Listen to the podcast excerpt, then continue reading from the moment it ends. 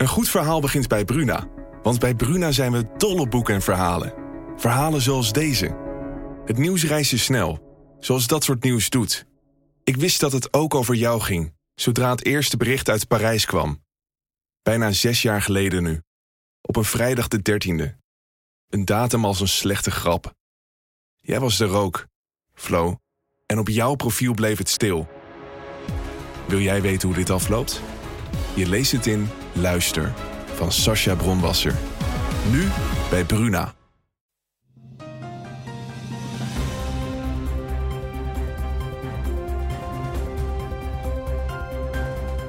Dit is de Telegraaf podcast.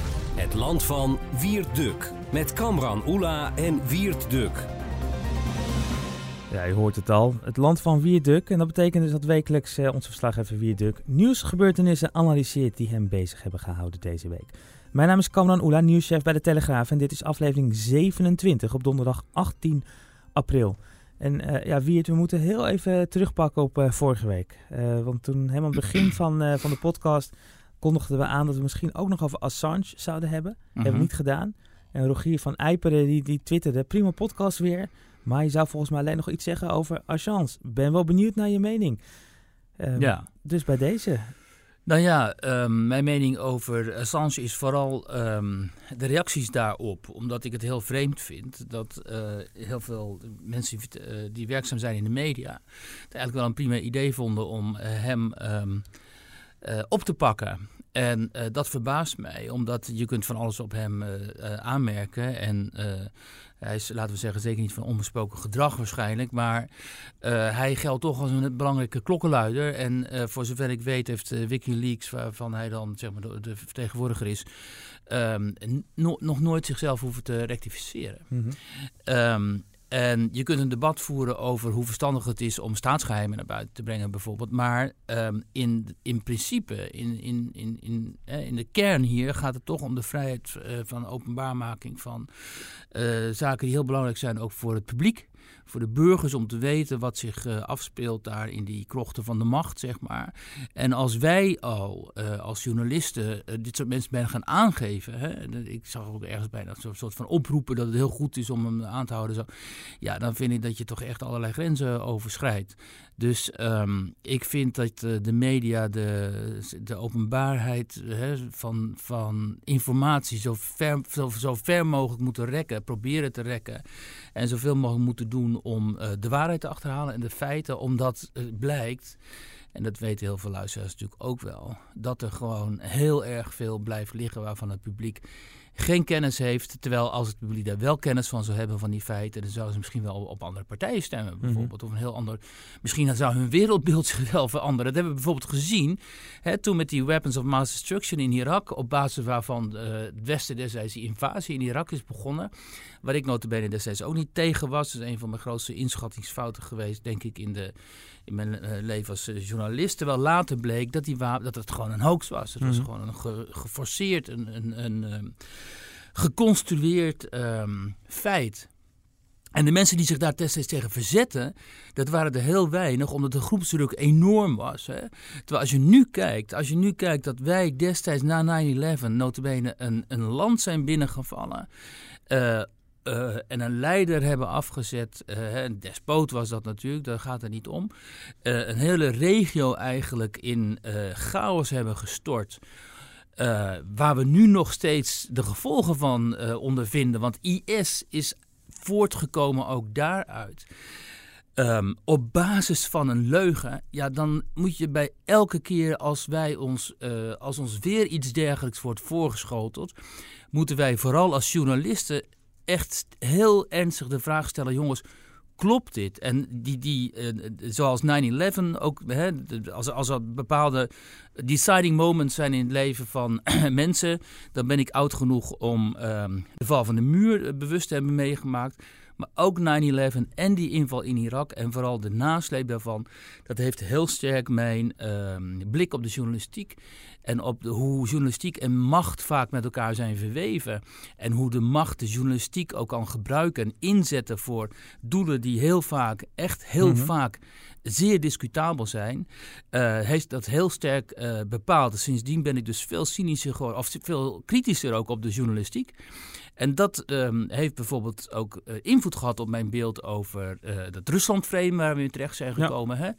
Eh, Rusland is de grootste vijand en OO en Poetin en, en, en noem maar op. De verslaggeving over Syrië, waarvan ik, waar heel veel op aan te merken is. Dat heb je ook gezien, hè? De, die, die, die, die, onthullingen over dat wij daar dus re- rebel, rebels, hoe heet het, rebel groups, ehm, Mhm. eh, de strijdersgroepen nou ja, hebben, ge- hebben gesteund die dus gewoon ehm, zwaar eh, geradicaliseerd zijn. Al dat soort zaken. En ik verbaas me er altijd over als eh, sowieso normale burgers dat vervelend vinden. Een vervelende eigenschap, dat je kritisch bent. Maar ik vind het helemaal bedenkelijk als de journalisten dat vervelend vinden. En gaan oproepen tot het, eh, tot het monddood maken van mensen als Assange. Dat vergeet niet, het laatste wat ik erover wil zeggen. eh, bij alle klokkenluiders en dissidenten zit uiteindelijk een steekje los. Omdat je er nogal veel voor over moet hebben om je eh, rechtstreeks tegen het systeem te keren. Omdat je weet dat het systeem jou kapot gaat maken. Hè, dat was zo met de dissidenten in de Sovjet-Unie. Dat waren vaak onmogelijke mensen. Mhm. Ook niet voor niks. Want je moet echt een hele sterke, zeg maar bijna obsessieve persoonlijkheid zijn... om dat risico te willen nemen. Dat geldt net zo goed voor klokkenluiders. En je ziet ook, ze worden altijd kapot gemaakt door het systeem. En dit soort mensen zouden wij sowieso... Ook al is hun karakter misschien wel naar en lastig en ingewikkeld, die zouden wij sowieso het voordeel van de twijfel moeten Hm. gunnen. En we moeten altijd staan voor de vrijheid van meningsuiting en de vrijheid van pers. Nou, we gaan eh, afwachten hoe het met hem gaat aflopen. Hij wordt waarschijnlijk uitgezet naar Amerika. Ja. Eh, maar misschien ook nog wel naar Zweden. Dat, eh, dat speelt nu op de achtergrond ook weer. Dus volop nog eh, in het nieuws de komende tijd. Maar je pleit in ieder geval voor meer, voor, voor, altijd voor transparantie. Je vindt dat journalistiek daar altijd voor moet zijn. Dus dat rapport van Mueller, wat ook toevallig vandaag dan eh, openbaar wordt gemaakt. Dat is ook iets waarvan je zegt, ja, daar, daar moeten we ook altijd voor blijven strijden. Ja, en ik vind dat eh, journalisten niet op de schoot van de macht moeten gaan zitten. En Mhm. dat, dat dat veel te vaak gebeurt. Omdat we ja, journalisten worden natuurlijk ook vaak gefeteerd door machthebbers en zo. Het staat ook, eh, nou ja, dat vind ik niet, maar dat vinden sommigen wel. Het staat ook mooi als je bij Mark Rutte op de koffie mag. Of weet ik veel, bij Angela Merkel of zo. En dan, ja, dan laten die mensen zich toch snel beïnvloeden door dat narratief, zeg maar, wat hen wordt aangeboden door de machthebbers. Nou, daar moeten we gewoon heel alert op zijn. Dat we dat niet automatisch zomaar overnemen. En het gebeurt echt in zoveel dossiers gebeurt dat. Let maar, ik zal mijn luisteraars willen eh, eh, zeggen, let maar goed op op het moment zeg maar dat mogelijk bijvoorbeeld het Forum voor Democratie gaat meeregeren over een tijdje met eh, VVD en noem maar op, dan zul je zien dat de media dat narratief gaan over. En dan is het opeens vanzelfsprekend dat de grenzen gaan worden gesloten of dat er veel strenger wordt opgetreden tegen, hè, tegen mensen die moeten worden uitgezet en zo, omdat dat dan het, het, het mainstream betoog is wat Hm. komt vanuit de, de coulissen van de macht, laten we het zo maar eens noemen. Dit was alleen maar even terugkijken. Dit was de vorige preek van week. Duk. Ja, dit de, de, de, de preek van Duk. Het is mijn Pasen, dus nu mag het.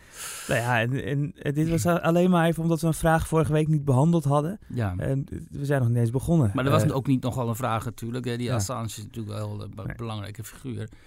nou, laten we in ieder geval dan naar de onderwerpen van deze week eh, gaan. We gaan het zo meteen hebben over een weggepeste uh, lerares. Maar we beginnen met de Notre Dame. Het is, is natuurlijk eh, het nieuws deze week geweest. Hè? De, de brand in, eh, in de Notre Dame. Ehm, en alles eromheen. Uh, aan de ene kant zien we dat er heel veel geld wordt ingezameld. Macron laat zich opeens uh, gelden als Ja. een soort leider. Ehm, maar jij eh, hebt je er ook een beetje in gemengd. Hè? En dat heeft je ook geroerd.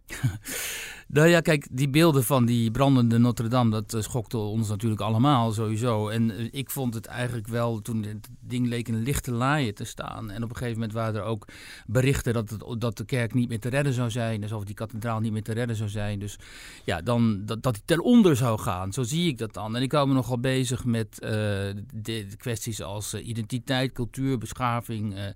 Hè, waar staat het Westen ten opzichte van andere culturen en zo. Dus op Twitter zei ik van nou, als er nou één symbool is voor, de, de, voor, de vermoeide, voor onze vermoeide westerse beschaving. Uh, die onder druk staat, dan lijkt me deze brandende kathedraal uh, dat wel te zijn. Nou, dat, uh, dat heel veel, een groot aantal mensen waren het, was het met me eens, maar een heel groot aantal mensen natuurlijk ook niet. En dat zijn dan een beetje de usual suspects, hè, die dan zeggen, of die re reageren met van, ja, wat, wat, wat, wat klets je nou, het is gewoon een brand. En, oh, viaduct die betrekt de moslims er weer bij. ja, wordt dus ik, terwijl ik toch nergens de islam of moslims Nee, dat zijn er weer anderen die daarop reageren, die zeggen van, oh, ze zullen nu wel een moskee daar gaan neerzetten oh ja, die heb je ook. Ja. dan heb je mensen die reageren. Oké, okay, dus ze gaan er nu vast inderdaad moskee met al hele hoge minaretten neerzetten. Zo, dus het, het, het, het grappige is dan ook eigenlijk dat. Hè, het was allemaal heel erg triest en zo. Maar dat je dan zo'n debat ziet ontstaan. Wat eigenlijk die tweet gewoon bevestigt. Namelijk aan de ene kant mensen die geen enkele symboliek kennelijk zien in, in die. die die, die kathedraal, het icoon van, eh, van, hè, van onze beschaving, zoals we dat dan zien, die in brand staat. En daar gewoon een soort kerk of weet ik gebouw in ziet. Dat er, nou ja, de gebouwen die komen en die gaan. En andere mensen die daar dan inderdaad onmiddellijk beginnen te speculeren van, um, nou het zullen wel moslims zijn en uh, dan komt vast een, een moskee te staan. En dat, dat, dat, toont dus juist aan hoezeer dat uh, debat op scherp staat, of het denken daarover, en uh, hoezeer, uh, hoe geagiteerd mensen kunnen reageren op alles wat um, gaat over zaken als identiteit en beschaving en religie, en dan met name ook de islam. Um, en het interessante ook is bijvoorbeeld, hè, dan, dan zie je daarna dus analyses en zo. In de Volkskrant had een collega een analyse die schreef juist door die verbinding die men um, voelde in het zien van uh, wat hier gebeurde, het zien van deze ramp. En alle ontsteltenis die vanuit de hele wereld hierover geuit werd. En alle, alle zeg maar, uh, teken van solidariteit, tekenen van solidariteit met Frankrijk en met de inwoners van Parijs. Daaruit zien we juist dat die beschaving nog heel vitaal is. Terwijl ik dan denk, het is juist een teken dat die mensen begrijpen wat er gaande is in mijn ogen. En dat mensen begrijpen dat met name Frankrijk, hè, met die enorme problemen in de banlieues en ook die gele vestjes en, um, uh, en een heel groot, uh, mm -hmm. hè, een hele sterke islamisering van, eh, van grote, grote steden. Dat, uh, en nu noem ik de islam dus, nu gaan mensen zeggen, kijk, hij noemt de islam zelf ook. Ja, dat is ook zo, want dat is ook een probleem, die, die oprukkende islamisering. Um, dat, dat juist de reactie op die brand in Notre Dame uh, een teken ervan is uh, hoe belangrijk uh, voor heel veel mensen het behoud van die beschaving is. En dus ook het behoud van die iconen daarvan. Um, en niet zozeer een teken van vitaliteit, maar meer nog een teken van, voor mij dan, een soort van um, laatste signaal van verbondenheid en van uh, en ook vanuit het christendom trouwens, omdat je zag dat uh, daar heel veel gezongen werd. Hè? Ja. En gebeden ook, al zingend bidden ook. Mm -hmm. Terwijl uh, gezegd wordt altijd dat het christendom uh, zich terugtrekt en dat het christendom in verval is. En ja, volgens misschien, je kunt net zo goed zeggen, misschien zijn dit dan wel die laatste stuiptrekkingen van die uh, christelijk-joodse beschaving waar wij het dan zo vaak over hebben, die voor heel veel mensen ook weer niet een christelijk-joodse beschaving is. Maar goed, dat, is, dat staat ter debat. Dus je kan, zou net zo goed kunnen zeggen van wat wij hier zien zijn misschien wel de laatste stuiptrekkingen ervan. Dus kijk, dat hangt er maar een beetje van af met welke blik je kijkt, uh, denk ik, maar voor mij staat het vast dat uh, het Westen natuurlijk onder druk staat. Omdat uh, niet alleen van, vanwege, vanwege die, de aanslagen die toch met enige regelmaat optreden, maar ook vanwege um, de, de, problemen met integratie van hele grote groepen mensen uit andere culturen die er gewoon hele andere normen en waarden op nahouden. En ons probleem om deze mensen deel te laten maken van onze samenleving. Niet alleen omdat zij dat vaak niet willen, omdat ze kiezen voor de Umma, zeg maar, de gemeenschap van moslims internationaal, maar ook omdat onze samenlevingen daar te weinig druk op zetten en daar ook niet goed in slagen. Ja, maar voor de helderheid, je zegt niet van het een heeft met het ander te maken, met de brand in eh, Notre Dame, maar je ziet dat als een soort symbool. Dus het is heel symbolisch. De, ja, een metafoor het, eigenlijk. Metafoor. Het, ja. het, het, staat in de, de westerse beschaving staat in de brand of in de, in de fik. Ja. En we zien dat nu letterlijk met Notre Dame. En als, Ja, en het ik, beeld. ik- precies, precies dat. En ik verbaas me er eerlijk gezegd over dat niet iedereen dat zo ziet. Eh, Dan, dan, dat kan dan zijn omdat je misschien ieder, omdat iedereen in een bubbel leeft en ik ook. Maar ja, het lijkt me zo overduidelijk, die metafoor. En eerlijk gezegd, eh, aan het aantal instemmende reacties of mensen die zich daar wel in herkenden, blijkt ook wel dat het veel eh, gedragen wordt. Maar de, vanuit de andere kant eh, kwamen toch wel hele felle reacties van mensen die zeiden dat het allemaal onzin is. En wie Duk een doemdenker, die wil dat die eigenlijk voorsorteert op zijn eigen wishful, de uitkomst van zijn eigen wishful thinking. Nou, ik kan je zeggen, dat is niet het geval. Nou, dat is, dan, eh, dat is dan in ieder geval helder. Eh, dus we zagen natuurlijk ook, werd gezegd, het is ook heel symbolisch. De week voor Pasen, stille week. eh, Ja. En, en juist dan, ja, op die manier zien, kunnen we natuurlijk ook heel veel symboliek erin zien. Nou ja, kijk, in deze week waarin heel veel mensen... Ik was gisteren zelf ook in Leiden in de Pieterskerk... waar heel, veel mensen naar kerken en andere zalen gaan... om naar de Matthäus Passion te luisteren. Bijvoorbeeld hè, de Leidensweek. De week voorafgaande aan Pasen. En dat dan zo'n eh, belangrijk icoon daar... eh, dat je die ziet branden. Ja, eh, kijk, als die, als die symboliek je ontgaat... dan... ehm, dan, dan vrees ik dat je ook weinig zult zien in, in kunst. Dus het, is bij, het was bijna een esthetisch beeld ook. Hè? En ja, maar kennelijk moet je daar ook een beetje gevoelig voor zijn. Ehm, maar als je dat niet ziet, ik, ik denk dat je dan ook best wel een wat, wat karig, karig leven Ja. leidt, eerlijk gezegd. Eh, niet om mensen te beledigen, maar ja, het is zo overduidelijk. Zeker wat je zegt in deze week, eh, voorafgaand aan, de, aan het paasfeest. Nu zien we dat eh, ook eh, de andere wordt ook symboliek gezien. Bijvoorbeeld door eh, Greta Thunberg, eh, die Ja. de 16-jarige klimaatactiviste, weet je, het gezicht geworden van al die klimaatspijbelaars. Die mocht, eh, die mocht woensdag eh, gisteren eh, de, het Europese parlement toespreken in Straatsburg. En die had het weer over de Notre Dame wordt gered. Hè, dus die brandende kerk, brandend Ja. gebouw wordt gered. Maar wie redt ons brandende huis? Ja, en het zat daar helemaal vol. Althans, op de beelden die ik zag, zat het daar weer helemaal vol. Allemaal volwassen mensen die in een soort extase naar dit meisje aan het luisteren waren. Honderden fotografen erbij. Zeker op het moment dat de, de traan kwam. Want ze moesten op een gegeven moment echt huilen. Ja. Toen ze opzonden wat er allemaal aan de mis was in de wereld. Ja, het is niet te geloven zoals dit meisje misbruikt wordt eigenlijk. Hè, voor, eh, voor hogere doelen dan. En je ziet dus eh, kennelijk, eh, dat is wel interessant. Kijk, in het Westen neemt natuurlijk de, de, de, de praktisch beleden religiositeit die neemt af. De kerken stromen leeg, toch? En heel veel kerken die, die, die, worden, die krijgen een andere functie. Maar de, de behoefte aan zingeving en religie blijft natuurlijk. En ja, het is verbijsterend dat heel veel, zoveel volwassen mensen die behoefte aan spiritualiteit en zingeving gevonden hebben in dit, in dit Zweedse meisje. Want daar komt het, die conclusie moet je toch zo langzamerhand wel gaan trekken. Dit meisje is ehm, zelf verklaard, ehm, leidt aan een aandoening binnen het autistisch spectrum, hè, de Asperger. Eh, waardoor je eh, een vrij eh, nauwe visie op de werkelijkheid ontwikkelt en vrij obsessief je kunt richten op één thema en daar dan ook heel erg in opgaan.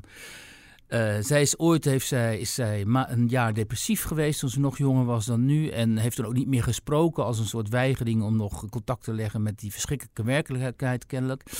En toen heeft ze het licht gezien en ook onder invloed van haar ouders is ze met dat eh, klimaat aan de gang gegaan. Hè? En nou ja, iedereen kent het verhaal verder wel geloof ik.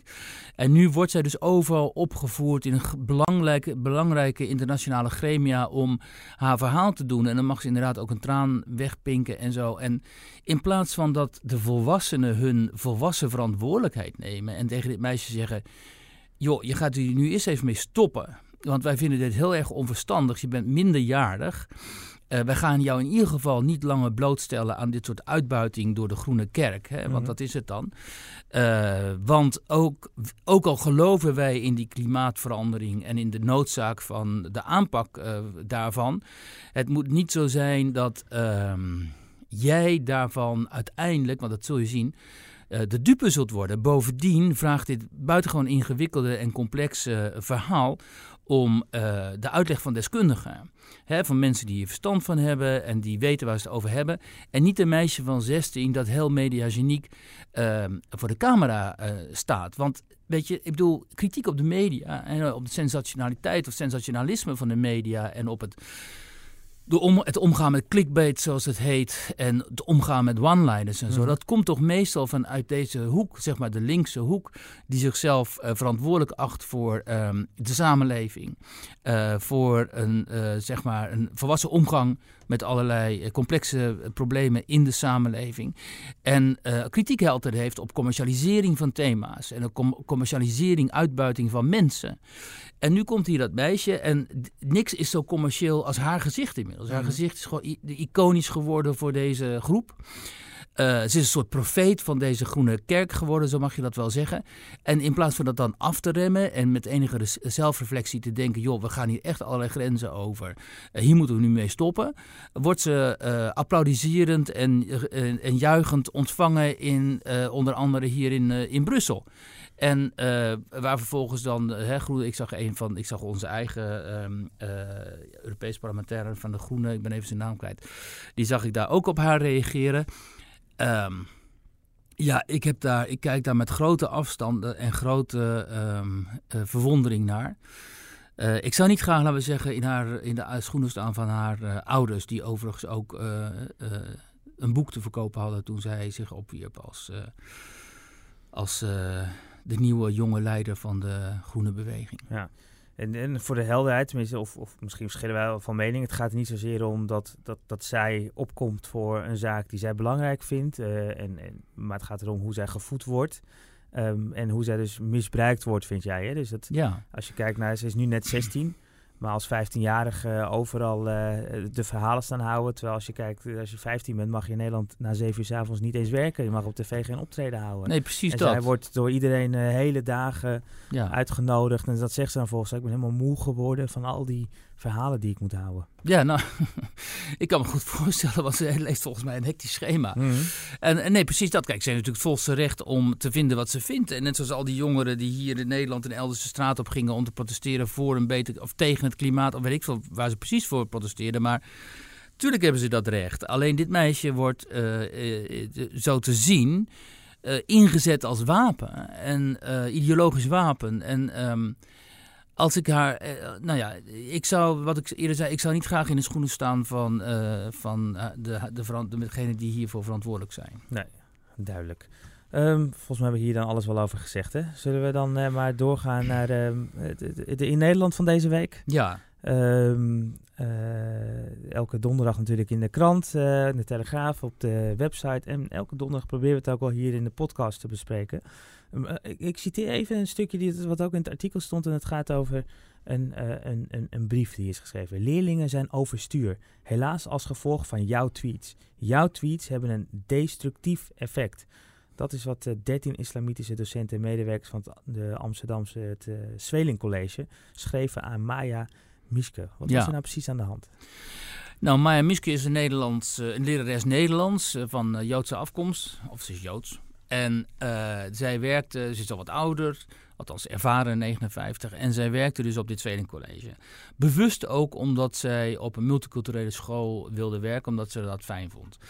In 2013 is ze daar eh, aangenomen en toen heeft ze ook gemeld bij de schoolleiding dat zij af en toe opiniestukken schrijft voor opiniewebsites, maar af en toe staat ze ook wel in de Volkskrant en elders en zo. En daarin is ze vooral houdt zich bezig met eh, vrouwenrechten, feminisme, de politieke islam en eh, de vrijheid van meningsuiting. En ze uit zich ook op social media, bijvoorbeeld op Twitter. En ehm, op dat trainingcollege, wat een hele gemengde school is, daar werken ook moslimdocenten. Een groot aantal. En eh, andere mensen zijn daar ook islamitisch. Bijvoorbeeld de conciërge. En er zitten natuurlijk heel veel islamitische leerlingen op die school. En Maya Miske, die op Twitter is eh, vaak eh, kritisch op, die, ehm, op de islam. Maar vooral dan op zeg maar, de jihad en de... eh, en ze twittert dan vooral bij na terreuraanslagen. En zo had ze ook na een terreuraanslag in Marseille... waar een man twee jonge meisjes doodstak... terwijl die Allahu Akbar riep Mhm. Had ze getwitterd van... eh, je kunt toch niet zeggen dat er is iets, iets in deze trant, hè? niet letterlijk... maar je kunt toch niet zeggen dat de islam hetzelfde is als andere religies.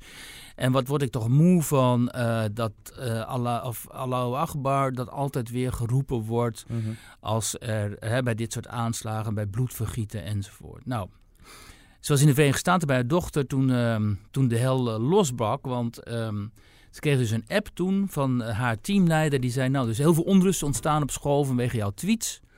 En de volgende dag kreeg ze een e-mail, een brief van deze 13 moslimdocenten. En ook de conciërge. Die, die precies dit schreven wat jij net uh, citeerde, maar nog veel meer.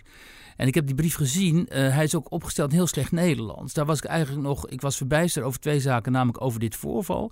Maar ook over, echt over het slechte kwaliteit, Nederland. De uh, kwaliteit van, van, de taal. Ja, dat is echt schrikbarend. Als dit zou toch maar je leraar zijn. Precies, want we hebben het hier gewoon over een, hè, over een, een school. Gewoon een VMBO-school ja. in uh, Amsterdam. Hè? En dan het, het, het, taalgebruik is zo onhelder. En de formuleringen zijn zo slecht. Dat je echt denkt: wow, weet je, dit, dit is dus tegenwoordig leraar. Sorry. Maar dit terzijde dan. In elk geval, ze hadden dus zoveel uh, aanstoot genomen aan die tweets van haar dat ze vonden dat uh, het zo niet langer kon. Er moest op zijn minst een gesprek uh, plaatsvonden. Nou, Maya Miske was natuurlijk enorm geschokt en heeft zich eerst ziek gemeld. En want ze dacht van ja, als ik op die school kom, dan begin ik gewoon te huilen, want ik ben echt helemaal uh, van de kaart. Ja. Uiteindelijk heeft ze met het college van bestuur gesproken en die stelde voor, joh, uh, de, wij zijn een scholengroep, ZAAM. Er zijn nog wel andere scholen, dus misschien kun je op een andere school les gaan geven. Ze werd gewoon hè, opgenomen voor de mensen die klagen. Ja, dus zo van, oké, okay, er is een probleem, weet je wat. Ga jij maar op een andere school, minder gemengde school kennelijk werken. Dan zijn we van, het probleem af. En toen is het natuurlijk gezegd, nou nee, dat lijkt me niet de oplossing. Want het probleem is, ik ben niet het probleem. Deze idiote reactie is het uh, probleem. Toen is het uiteindelijk nog tot, een gesprek gekomen met de woordvoerder van die, uh, van die docenten, van die, van die isla, islamitische leraren. En die was dus heel uitgesproken. Die zei van, nou je moet maar in Venlo gaan werken, want dan komt, uh, kennelijk omdat Geert Wilders daar vandaan komt. Je moet eigenlijk van deze school, want je past niet op een multiculturele school. En bovendien, waarom tweet je eigenlijk zo vaak over Israël en Palestina en, uh, en dat conflict? Met andere woorden, haar werd verweten dat ze het opneemt voor Israël als Joodse lerares. Dus het, haar, haar Jood zijn speelde kennelijk ook een rol. Nou, um, toen is ze toch nog gebleven, maar op school werd haar het leven onmogelijk gemaakt door, uh, doordat ze door leerlingen werd nageroepen. Racist werd dan geroepen en uh, racist, weet je, je kent het wel. Um, wat natuurlijk bizar is, vind ik dan, dat, dat eigenlijk scholen in dit geval, hè, ik snap dat het een probleem Ja. is en, en, en ingewikkeld is voor een schoolbestuurder, maar je, je kiest voor de segregatieoplossing. Je kiest er dan voor om maar groepen uit elkaar te houden. Dus dan Ja. maar liever, hè, dit- dit is zo'n Joodse lerares moet wel op een Joodse school gaan werken. Ja, dat is ook zo, eh, daar kom ik zo op. Kijk, eh, ze probeerde dus te blijven, maar uiteindelijk werd het toch allemaal te, te, te vervelend voor haar. En toen is ze weggegaan, heeft ze uiteindelijk zelf ontslag genomen, is naar op een Joodse school gaan werken. En ze heeft besloten om dat nu pas eh, naar buiten te brengen, omdat ze dacht van ja, misschien doet dat tweeling dan toch nog iets positiefs met mijn verhaal, maar uiteindelijk gebeurde dat niet. Ehm, ehm, en hier zijn twee dingen natuurlijk heel vreemd. Ten eerste dat de schoolleiding kennelijk zo in de war was of eh, geen positie durfde in te nemen, dat het zo heeft kunnen escaleren. Dat de schoolleiding niet tegen die moslimdocent heeft gezegd, jongens, kap hier even mee. Ja, Iedereen heeft vrijheid van meningsuiting. Wat die mevrouw op Twitter zegt, moet zij weten. Maar ze is gewoon een goede lerares. Ja. We hebben geen enkel eh, probleem met haar. Haar eh, functioneringsgesprekken waren altijd prima. Dus ga even thuis zitten huilen en loop niet zo te janken over, over een tweet. Mhm. Hè? En loop niet zo te intimideren ook. Hebben ze niet gedaan. Ze zijn natuurlijk weer, hè, zoals het gaat tegenwoordig, op hun knieën gegaan. En dan heb je dus het volgende probleem wat jij nu aansnijdt. Waarom? Nou ja, omdat dat dus een hele gemengde school is met heel veel islamitische leerlingen. Die sowieso al vaak problemen hebben. Hè? Niet allemaal, maar sowieso al vaak problemen hebben met het Israëlische beleid natuurlijk. Mhm. hè? En met Palestina. Dus daarover wordt op dat soort scholen al bijna niet meer gesproken. Net zoals het vaak ingewikkeld is om over de holocaust te spreken. En die islamitische do- docenten, die staan er net, in, eh, net zo in. En die willen zij eh, te vriend houden. Want is het niet zo dat eh, een van die andere scholen uit die samengroep, de Comenius meen ik, Mhm.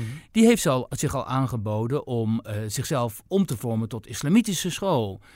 Want daar is immers behoefte aan, zeggen ze in Amsterdam, onder gematigde moslims. Hè. Die hebben behoefte aan islamitische scholen. Dus weet je wat, laten wij ons dan maar omvormen tot een islamitische school.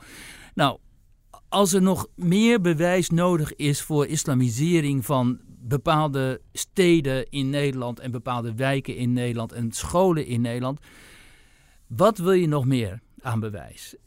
Hier heb je het. En ook de gevolgen ervan, namelijk precies wat jij zegt, dat het segregatie gaat optreden, dat bepaalde opinies, bepaalde meningen bepaalde interpretaties van feiten niet meer welkom zullen zijn op deze scholen. Omdat deze mensen, zoals deze moslimdocenten, zo overgevoelig reageren op tweets die inderdaad best wel stekelig kunnen zijn. Hè? Het is ook niet zo dat Maya Miske nou de meest tactische twitteraar is. Maar who cares, weet je? Als ik word aangevallen door... Nou ja, daar, laat ik het niet over mezelf gaan hebben. Um, je gaat niet op die manier in de, in de slachtofferrol, vind ik. Hè? En zeggen dat je gediscrimineerd voelt. En bovendien vroegen ze ook nog eens van... Ben jij wel de enige met dit gedachtegoed? Dus met andere woorden, ze zien dat als een soort van gedachtegoed. Ja, nou ja... Um, ik, vond dat, uh, ik vind dit een heel schokkend verhaal eigenlijk. En ik zou tegen deze mensen willen zeggen: joh, man up. Dat je moslim bent, uh, dat maakt niemand iets uit, lijkt mij. Iedereen heeft rechten op zijn eigen religiebeleving. Iedereen heeft ook rechten op zijn eigen vrijheid van meningsuiting. En uh, vertel die tegen die leerlingen, als die dan echt zo geschokt zijn, dat ze, zich, dat ze wat meer eelt op hun ziel moeten kweken. En dat in Nederland het recht op religiekritiek bestaat. Dat, en dat zowel het christendom mag worden bekritiseerd als het boeddhisme, als ook de islam. En dat je daarvoor niet mensen uh, zo in de hoek hoeft te drijven dat ze op een gegeven moment besluiten om dan zelf maar weg te gaan. En bovendien. Ik weet dat dit niet alleen in het onderwijs gebeurt. Ik krijg zoveel mails van mensen die zeggen: joh, ik was eh, bijvoorbeeld opzichter in gymzalen in Amsterdam. Of ik werkte in een andere overheidsfunctie in Amsterdam, of in Rotterdam, of in Den Haag. En ik zit niet thuis. Ik ben overspannen geraakt, want ik ben er weggepest. Omdat ik ook wel eens iets zei over de islam. En ze hebben me weggepest. Ik zit nu aan de Oxazepam. En als ik dan aan die mensen vraag van... joh, wil je erover spreken in de krant? Zeggen ze allemaal nee. Uh, want ik durf niet. want ik, ik, heb al genoeg uh, problemen gehad en ik wil nu rust. En dat Maya Miske heeft besloten om wel te durven is heel dapper. Te meer omdat ik nog andere leraren benaderd heb op die school, niet-islamitische leraren. En die zeggen allemaal gaan we niet doen. We herkennen het verhaal, maar we gaan niet doen, want we gaan niet onze baan in de waagschaal stellen. Nee, het spreekt van heel veel moed dat zij dit uh, op deze manier, uh, deze manier doet. Uh, en dat soort verhalen lezen we eigenlijk elke week weer op, op in Nederland. Het is niet altijd dat ik als ik die pagina heb gelezen dat ik denk, nou, lekker. het, het, land staat er zo mooi voor. Nee, maar ze zijn wel noodzakelijk. Maar het zijn wel de, precies, het zijn wel de, de echte verhalen. Wiert, dankjewel. Uh, we zitten weer uh, ruim een half uur hier uh, aan, het, aan het preken. Hè? Ja. vandaag op de, op de preekstoel. Morgen Goede Vrijdag. Dan ja. we oh nee, stille donderdag. Vanaf nu ook weer stil. ja, nou lekker dan. nou, volgende week is het gewoon weer een, een normale week. dan, nou, misschien kunnen we dan wel Koningshuis hebben. Twee dagen voor Koningsdag. Ja, en... Heb je daar iets mee?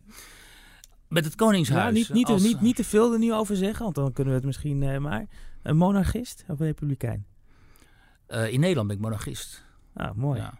ja met onze traditie en, en, en de, de verbinding die het Koningshuis ja. uh, heeft met het volk ben ik monarchist. Ja. Nou, ik ben een orangist, denk ik. Okay. Dus uh, toch nog een verschil. Dan kan er wat debat ontstaan. En misschien moeten we een republikein volgende week uitnodigen en het over het Koningshuis hebben.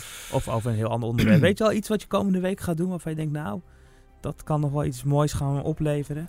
Ja, ik ga een grootmoeder interviewen van IS-kinderen. Uh, althans, IS-kleinkinderen. En haar dochter die is uh, verdwenen.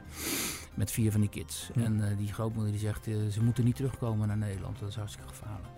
Wauw, een ander geluid van een ja. IS-grootmoeder. Je zal maar zo door het leven IS-oma. IS-oma, zal maar zo door het leven moeten gaan. dat verhaal gaan we komende week ongetwijfeld lezen in de Telegraaf. En volgende week weer een verse podcast. Wiert, dankjewel. Dankjewel. U bedankt voor het luisteren.